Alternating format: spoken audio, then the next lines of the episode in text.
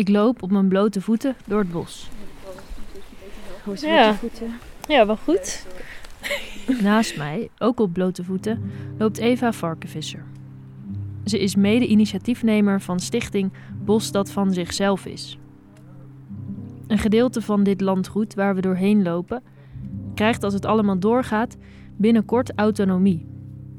Dat stuk heet de duim en wordt aan zichzelf teruggegeven. De mens mag daar dan niet meer ingrijpen. Geen bomen omhakken, geen paden maken. De akte die dat juridisch mogelijk maakt, wordt vandaag gepresenteerd. En het publiek is gevraagd om zonder schoenen naar de duim te lopen.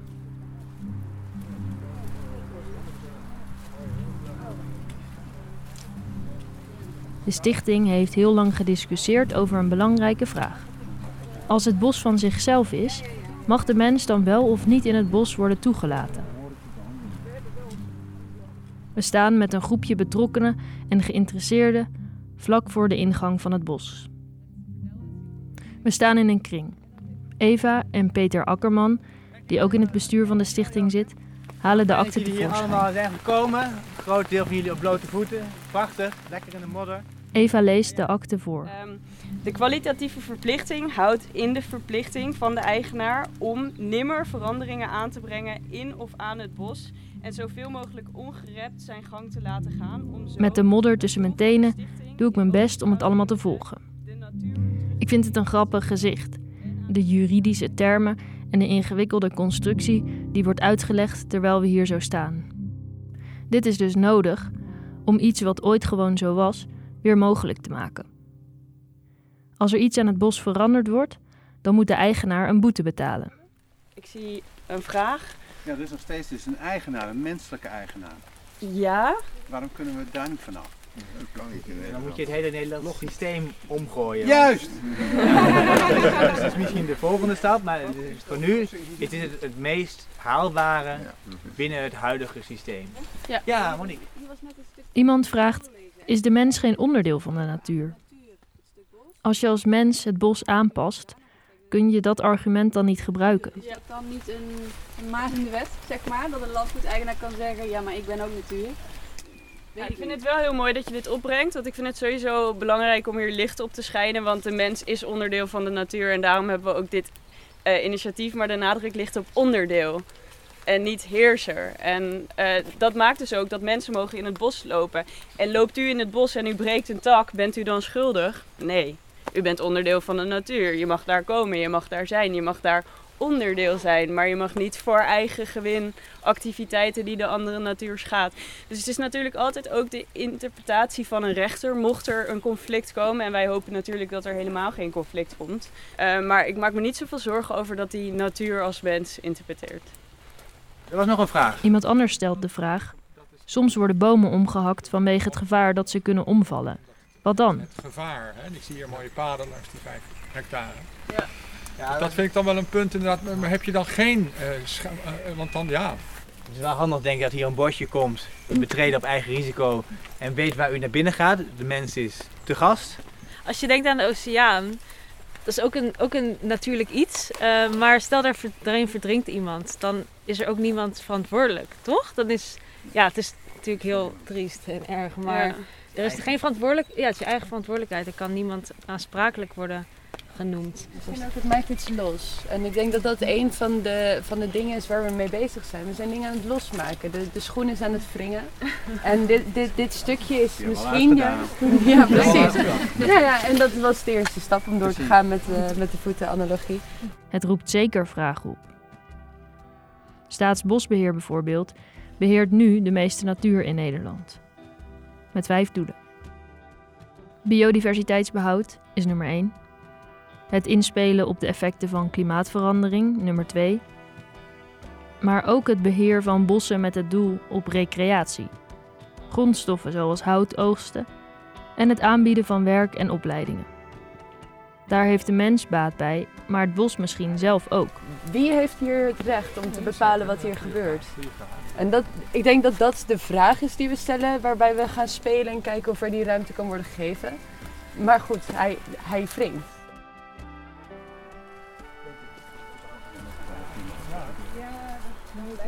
Grappig wat voor discussies het dus allemaal oproept. Ja, en dan ben je hier nog met publiek van mensen die allemaal wel heel erg vatbaar zijn voor het idee. Ja. Uh, dus dat scheelt. Maar alsnog denken mensen van, huh, dit is toch niet hoe wij dingen doen. Maar ja, dat is nou juist het hele menselijke perspectief. Mm -hmm. wat we proberen te doorbreken in die zin. Ik vind het ook leuk, daar moest ik gewoon aan denken, dat er dus toch nog een soort vertrouwen is in de mens van die mag er wel zijn. Ja, absoluut. Wat zou jij zelf vinden? Nou ja, je kan ook heel erg pessimistisch denken van oké, de mens gaat het dan toch op een of andere manier slecht mee om. Ik zou dat ook een logische gedachte vinden. Ik vind het dus wel mooi dat er vertrouwen blijft. Ja, ik moet ook wel zeggen dat hier, zoals Peter net ook al aangaf, maar zoveel discussie over is geweest binnen onze groep. En dat ik ook wel heb geroepen van, maar we kunnen mensen niet vertrouwen, weet je wel. Ze gooien maar hun afval overal. Maar uiteindelijk denk ik dat de hele uitdaging die wij, de aarde, de bomen hebben, is om met elkaar te leven en niet los van elkaar. Nee. Uh, het geeft mij in elk geval heel veel hoop als ik ook zie wat voor mensen hierop afkomen. Van allerlei soorten leeftijden die dan allemaal bereid zijn om op blote voeten met ons door het bos te banjeren. Had je dat niet verwacht? Nou, ik ben gewoon positief verrast ja. door de openheid van mensen. Die vraag, of je nu uiteindelijk wel of niet op de mens kunt vertrouwen, wil ik stellen aan Louise Vet. Ze is bioloog en hoogleraar ecologie en zet zich al bijna haar hele leven in voor het behoud van biodiversiteit in Nederland. Ik krijg eerst een kleine rondleiding door het gebouw van het Nederlands Instituut voor Ecologie. Een gebouw met een voedselbos, bijenhotels, tuinen en een heel groot groen dak. We hebben gewoon uh, veel meer biodiversiteit gecreëerd op een gebied, 4,5 hectare. Waar eerst natuurlijk uh, ja, een beetje een, uh, een paar gebouwtjes nog stonden. Een onderzoeksinstituut, waar Louise Vet directeur geweest is. Ik ben met mijn studie begonnen, mijn studie biologie in 1971. Toen ik mijn soorten leerde kennen, in, in, bijvoorbeeld in Limburg, dan, dan, stond er op één vierkante meter konden wel twintig, twintig soorten staan. Hè? Die moest je dan ook in je hoofd stampen. En, uh, ja, en als ik daar 20, 30 jaar later naar terugging, met mijn twee kinderen bijvoorbeeld, dan zag je dus hoe dat was veranderd.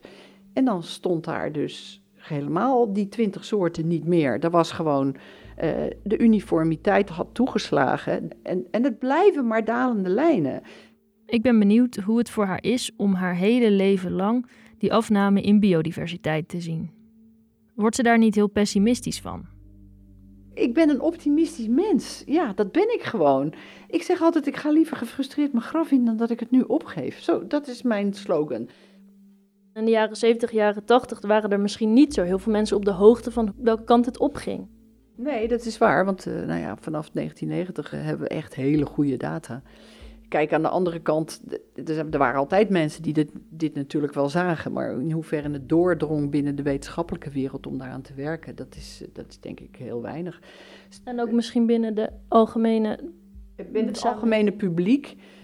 Uh, ja, weet je, ik, ik, ik leef natuurlijk ook altijd in een bubbel, hè? dus het is soms heel moeilijk inschatten. Ja, het was niet iedereen zijn hobby, weet je wel. In 2018 werd het Deltaplan Biodiversiteitsherstel opgezet. Een plan waarbij wetenschappers, boeren, banken en bedrijven samenwerken om biodiversiteitsverlies te bestrijden. Nou, die dalende lijnen en na 40 jaar carrière, ik was het helemaal zat. En ik was toen nou, in de gelukkige positie eh, dat ik voorzitter was van eh, het Netherlands Ecological Research Network. Het NERN. Dat is het netwerk van Nederlandse ecologen. In september 2017 kwam ook het bericht van de 75% van de insecten zijn verdwenen in de laatste 27 jaar. Hallo. En toen zeiden we bij NERN, zeiden we echt van, ja jongens, hoe lang gaan wij nog door met nou alleen maar zuchten en zeggen van, het is uh, zo erg. En toen zeiden we, het is een maatschappelijk probleem, we moeten het maatschappelijk breed oplossen. We hebben de verschillende belangrijke spelers in die maatschappij die iets met grondgebruik te maken hadden. Nou, die hebben we bij elkaar gebracht in Driebergen en hebben we de intentieverklaring van Driebergen onder, laten ondertekenen. Dus de natuurorganisaties, de wetenschappers, hè, de boeren die het al anders doen, de retail, de provincies, de, de overheid, noem maar op. We vragen van elk van jullie een commitment. Wat ga jij doen om die biodiversiteit te herstellen? En toen zijn we begonnen. En dat hebben we vanaf 2018 natuurlijk echt helemaal in praktijk gebracht. We hebben ook heel veel werk gedaan aan in elkaars huid kruipen. Waarom zit jij hier dan aan tafel? Waarom denk ik dat jij hier aan tafel zit? En dat was een hele interessante, want we zagen heel veel enthousiasme toch wel. Want iedereen was hiervan geschrokken. De boeren, de banken, ook, ook dus sommige hè, bedrijven waarvan je zegt van ja, moet je daar nou mee aan tafel? Ja, daar moeten we mee aan tafel, want als die niet gaan veranderen, gaat het niet veranderen. Dus dat samenwerken, daar gaat het eigenlijk om. En ik kan een paar van die dingen noemen waar ik, waar ik eigenlijk heel enthousiast van werd. Bijvoorbeeld, we kwamen ook met partners die gewoon land gebruiken. Nou, denk aan de hoogmasten die je in, in het land ziet. En Tennet, die heeft daar grond onder. Nou, dat werd altijd keurig gemaaid. Nou, heel Nederland wordt keurig gemaaid en aangeharkt. Hè? Dus als je weet, dat zit ook tussen onze oren, moet er ook uit. Maar Tennet, die is toen samen met de Vlinderstichting, een van de partners van Deltaplan, ook begonnen met een heel ander maaibeleid. Dan laat je dus dingen staan en zo. En toen binnen twee, drie jaar hadden ze laten zien dat ze gewoon 70 van die insecten gewoon terugkregen. En die waren zo enthousiast daarover dat ze hier kwamen naar het terrein. En we moesten met z'n allen op de foto. En we stonden in het jaarverslag, want ze gingen het over al hun honderden uh, stations in Nederland en Duitsland uh, uitrollen. Denk aan de akkerranden. Waar die akkerranden langs een graanveld of langs een maisveld of wat dan ook. Daar kun je ontzettend veel biodiversiteit mee creëren. Denk aan sloten die ecologisch beheerd worden.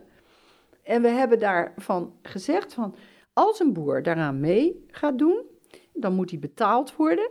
Niet een beetje subsidie of zo. Nee, 20, 30 jaar lang betaald worden voor de aanleg, voor het onderhoud en voor de derving van inkomsten, omdat je daar niks produceert.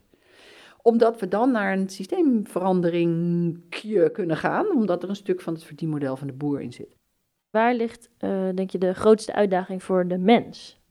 Het voedselsysteem, de manier waarop wij ons voedsel produceren, is in feite de grote boosdoener wereldwijd van uh, verkeerd landgebruik. Ik zat in de commissie Remkes hè, over de stikstofproblematiek. We hebben uiteindelijk uh, in 2020 met die commissie Remkes gewoon verteld hoe het eigenlijk anders zou moeten. En nou zitten we verdorie in 2023 en er is nog niets mee gedaan.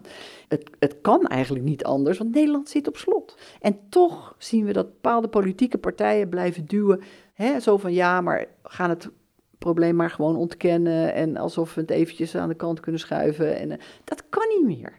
Het recht staat nu aan de kant van de natuur, maar soms vrees ik wel eens, dan ga ik dus in de misère, dat, dat, dat zelfs onze rechtsstaat uiteindelijk uitgehold wordt. En dan wordt het natuurlijk helemaal erg. Dus ik hoop echt dat dat, dat niet gaat gebeuren. Uh, het lijkt mij, daar, daar zat ik over na te denken, het lijkt mij eigenlijk heel frustrerend om echt de kennis te hebben en ook al misschien al 30 jaar en nog steeds de keuzes te zien worden gemaakt. Ik moet ook heel hard werken aan uh, het zoeken naar positieve energie. En daar waar ik successen zie, die wil ik vieren. En ik vind ook dat de media daar een hele belangrijke rol heeft. Want de media die, die, houden van conflicten en die houden van tegenstellingen en die, die zoeken dat op. En, en ik wil ze juist, hè, ik wil eigenlijk gewoon de mensen die het nu ook allemaal niet meer zien zitten. Want er zijn een hoop depri mensen vanwege de CO2-problematiek. Laten we alsjeblieft niet die mensen nog depressiever maken met die biodiversiteitsverlies. Ja, um, kan je ook begrip opwekken voor de angst die er is? Ja, natuurlijk. Ik, ja, want ik voelde ik zelf ook je kan hem wel wegmoffelen en proberen weg te duwen. En dat doe je voor je eigen ja, behoud, zou ik haast zeggen. Ik denk, nou misschien niet meer in mijn leven, maar dat wel zodanig het schip gaat keren dat het dus een zeer onleefbare wereld wordt voor mijn kleinkinderen. Het is dus hoop en wanhoop. Ik fietste door de Peel bij Limburg, Noord-Brabant, het grote industriële gebied waar zowel industriële landbouw is, maar ook een prachtig natuurgebied wat door de stikstof zo wordt nou ja, uitgekleed.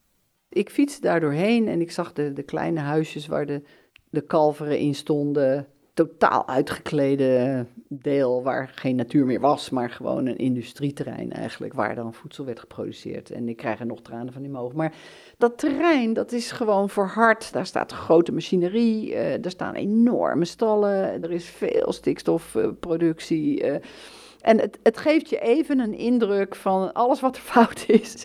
En dat, dat komt dan heel erg binnen. En toen ben ik gewoon op mijn telefoon gaan schrijven. Ik kan het voorlezen als je wil, als ik het nog kan vinden.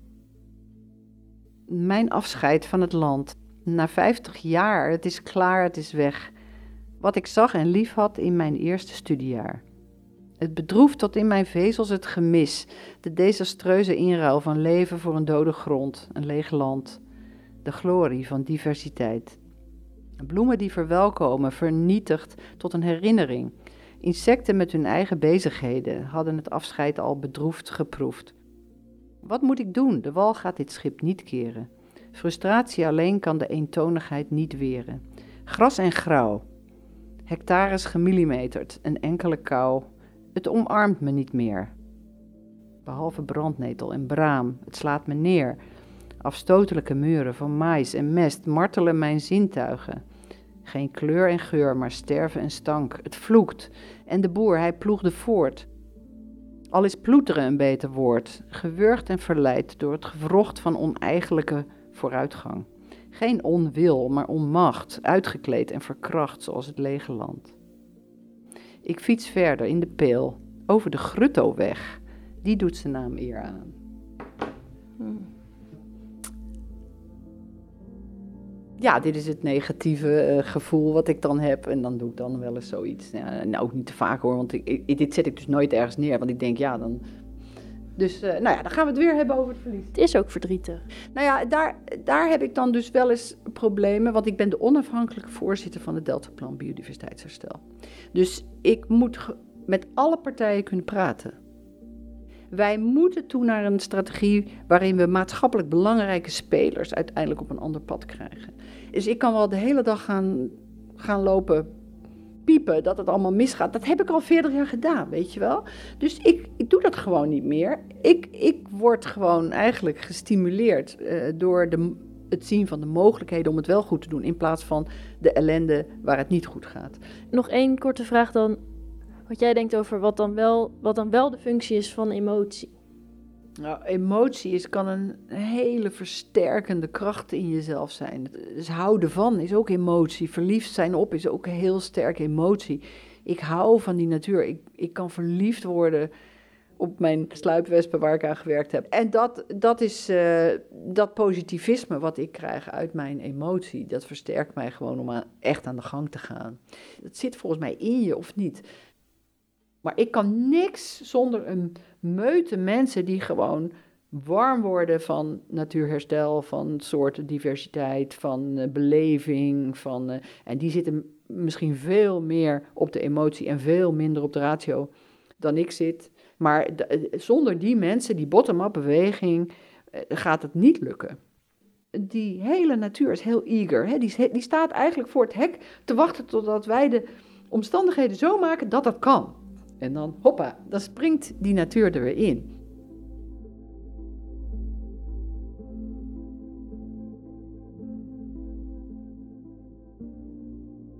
Een kwartiertje fietsen bij mij vandaan, in Rotterdam-Zuid, ligt een klein stuk groen gebied. Langs de Maas, tussen de industrie en al het beton in. Jij volgt ons gewoon, hè? Joke Oldhaar organiseert daar theatervoorstellingen en wandelingen voor kinderen. Lekker warm worden.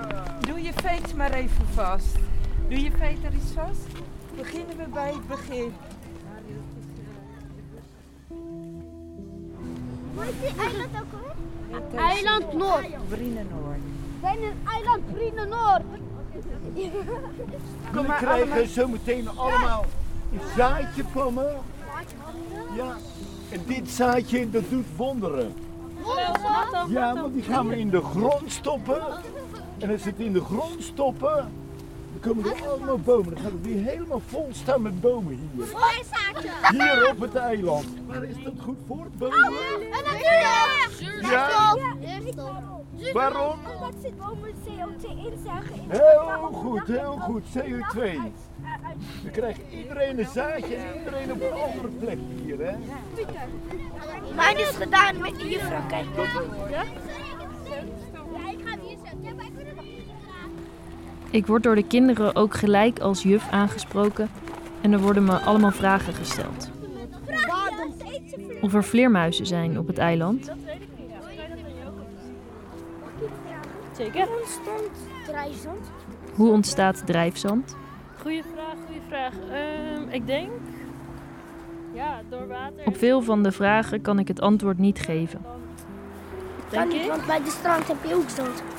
Ja, je hebt gelijk. Het zijn altijd voor stenen. Ehm, ik denk... Mag ik eens zien? Weg en heb je Ja, steen, steen. Het zijn al- allemaal. Het voelt wel alsof ik het allemaal zou moeten weten. Deze ruikt naar ment. Hoe heet deze?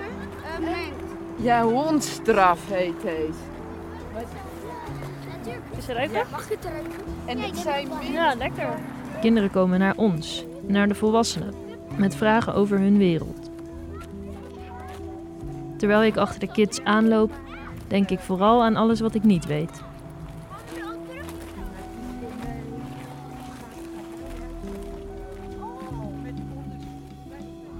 Ik bedenk me ook dat de volwassenen de kinderen in de toekomst nog meer uit te leggen hebben.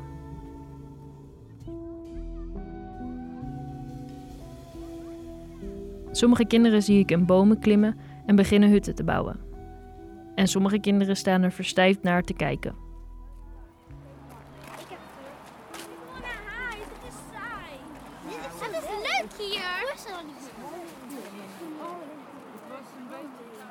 We blijven toch het meest gefascineerd door onze eigen soort.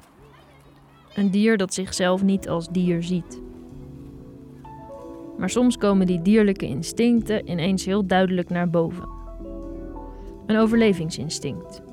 Een voortplantingsinstinct. Maar ook wanneer we bevriezen, gevoelens niet toelaten. Ik las over een kat die elke dag op het station van Purmerend te vinden was. Reizigers konden samen met Bram op hun trein wachten. Bram is een tijdje geleden overleden. Er werden gedichten geschreven, bloemen gekocht en geld opgehaald om een monument voor Bram te laten maken. Ik geloof niet dat de mens onverschillig is tegenover het leven op aarde. Ik denk dat de mens bang is. Bang om verdrietig te worden, omdat er zoveel en door ons toedoen verdwijnt. De vlinders, de vogels, de zoogdieren, de insecten zonder naam. En daarom niet goed durft te kijken. En ik ben bang dat dat iets typisch menselijks is.